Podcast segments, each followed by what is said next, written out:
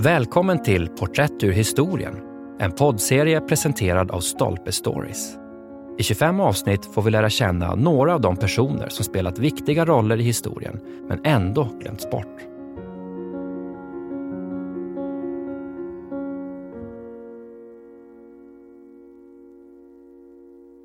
Brendan Bracken. Mer Churchillsk än Churchill. Av Andrew Roberts. Brendan Bracken var internationell hemlig agent innan någon annan var det. Och ingen visste någonting säkert om honom förrän han 1929 trädde in på den brittiska politiska scenen. Kring honom stod alltid ett skimmer av hemlighetsmakeri, fara och hänsynslöshet som han hade en benägenhet att vårda ju närmare makten han kom. Tack vare sitt vinnande sätt och sin obestridda lojalitet blev han en av Winston Churchills två bästa vänner genom hela 1930-talet och andra världskriget samt under perioden därefter. Då han verkade som informationsminister, marinminister och delad chef för den hemliga propagandamyndigheten Political Warfare Executive.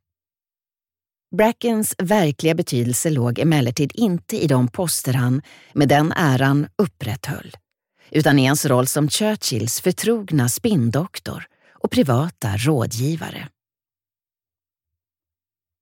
Allt man säkert vet om Brackens tidiga liv och uppväxt är att han föddes på Irland 1901, även om källorna går isär i fråga om exakt var.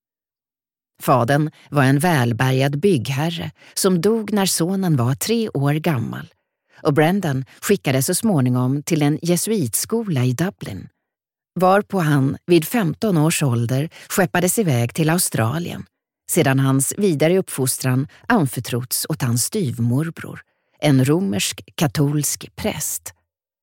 Var han befann sig de följande tre åren vet man inte men på något sätt skaffade han sig encyklopedisk kunskap om Storbritanniens 1700-talshistoria. När Bracken kom tillbaka till England 1919 lånade han 200 pund av sin mor för att betala ett års skolavgifter på Sedberg. Ett privatinternat i Yorkshire, där han fick börja fastän han var äldre än utgångseleverna. Det sades att han lyckades komma in på skolan genom att uppträda som en australiensare vars föräldrar hade omkommit i en skogsbrand. Han älskade sin mor och behöll kontakten med henne, men han vägrade ha något att göra med sin bror och sin syster. Efter Sedberg, en skola som Bracken älskade och till vilken han senare skulle donera stora penningsummor, undervisade han vid en privat förberedande skola och sålde tidningsannonser i Skottland. Den 8 november 1923 träffade han Winston Churchill och blev chef för dennes kampanj för att i det allmänna valet vinna ett parlamentsmandat från Leicester West. Han ställde upp för Liberalerna. Churchill förlorade. Snart pratades det om att Bracken var Churchills oäkte son. Delvis på grund av att båda var rödhåriga.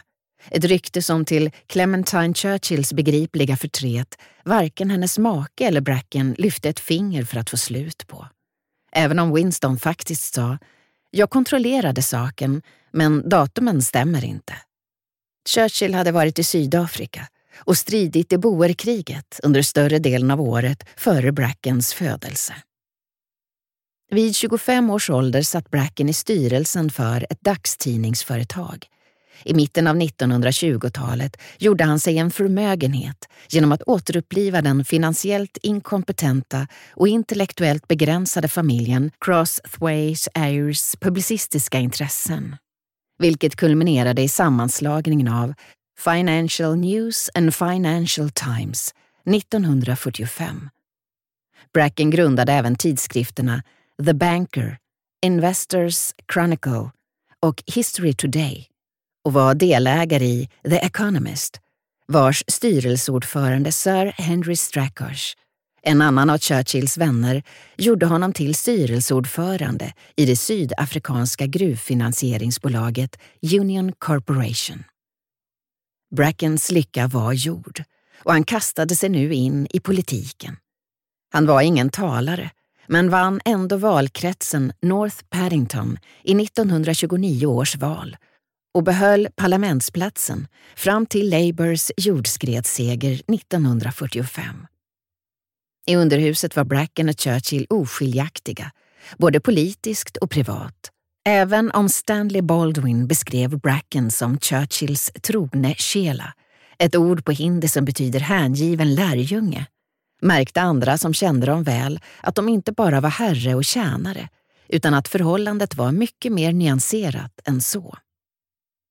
Brendan var nästan mer Churchillsk än Churchill, påpekade tidningsredaktören Colin Coote, som var vän med dem båda. Och det vittnar om hans enastående karaktär att alliansen ingicks i början av den kanske mörkaste tioårsperioden i Churchills karriär. Han var inte en vän i medgång. Om Bracken bara hade varit en ärelysten streber skulle han aldrig ha satsat på Winston Churchill under 1930-talet, då denne var ute i kylan. Bracken hade lyckats helt av egen kraft och predikade fri företagsamhet och tävlingsinriktad individualism. Han var Thatcherite avant la lettre. Trodde på frihandel, låga skatter och minimal regeringsmakt och hyste dessutom en djup moralisk avsky för socialism i alla dess former.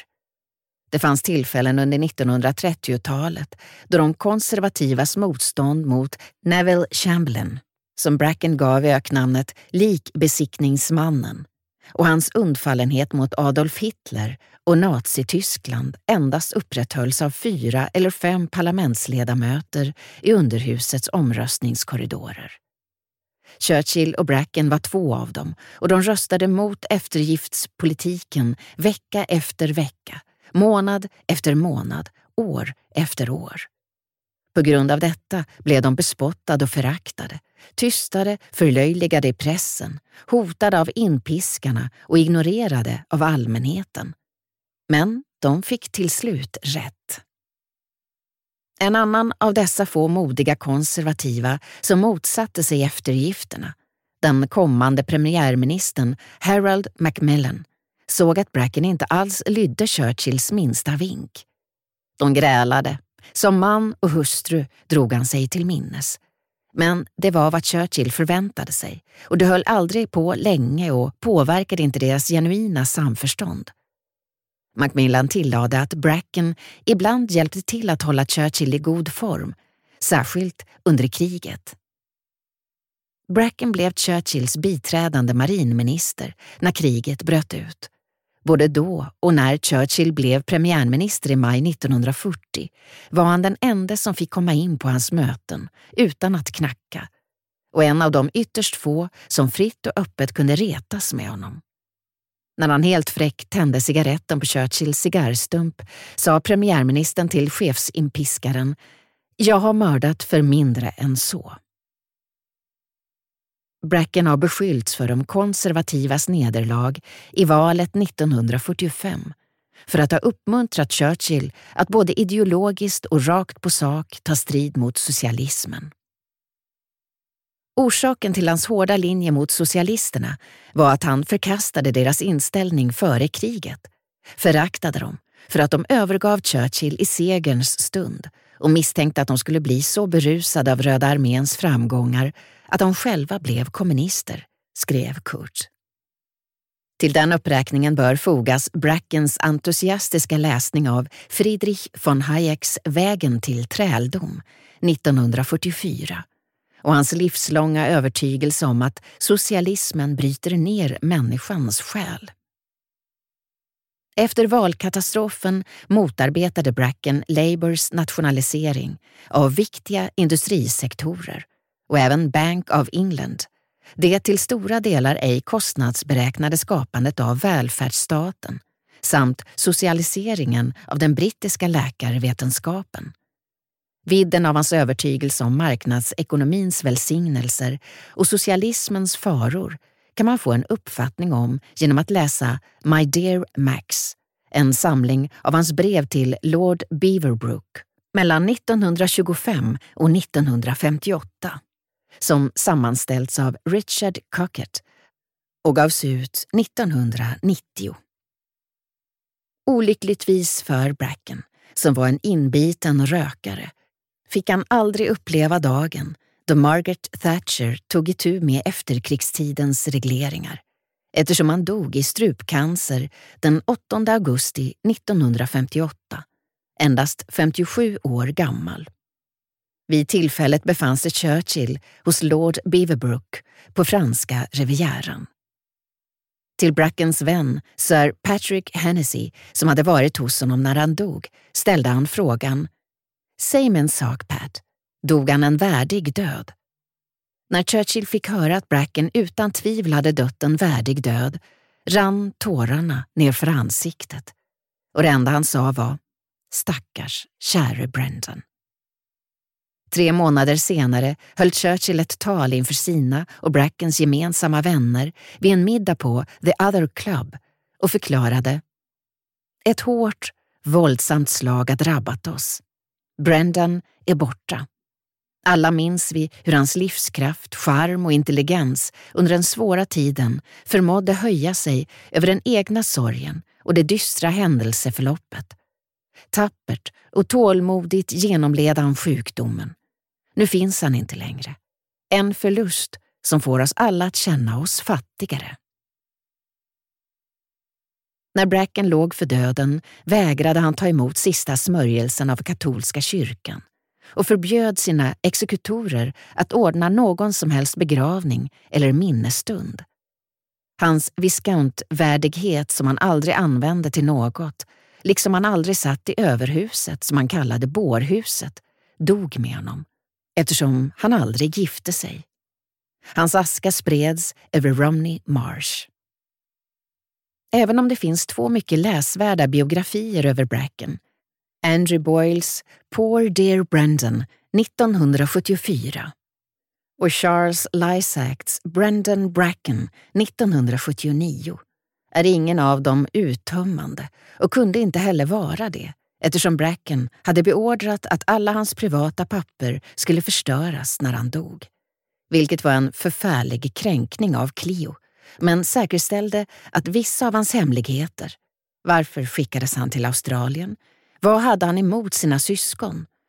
Hur finansierade han sina första affärsverksamheter? Förblev väl förborgade och är så än idag. Jag kommer att dö ung och glömmas bort, förutsåg Brandon Bracken.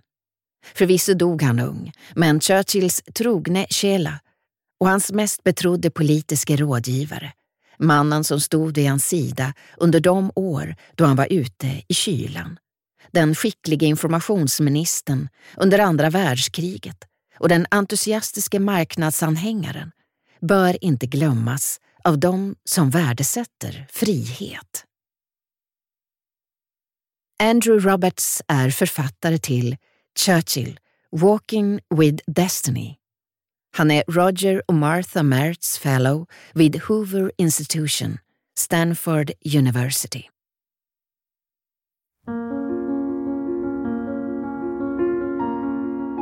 Du har lyssnat på poddserien Porträtt ur historien som presenteras av Stolpe Stories och inläst av Mimmi Kandler.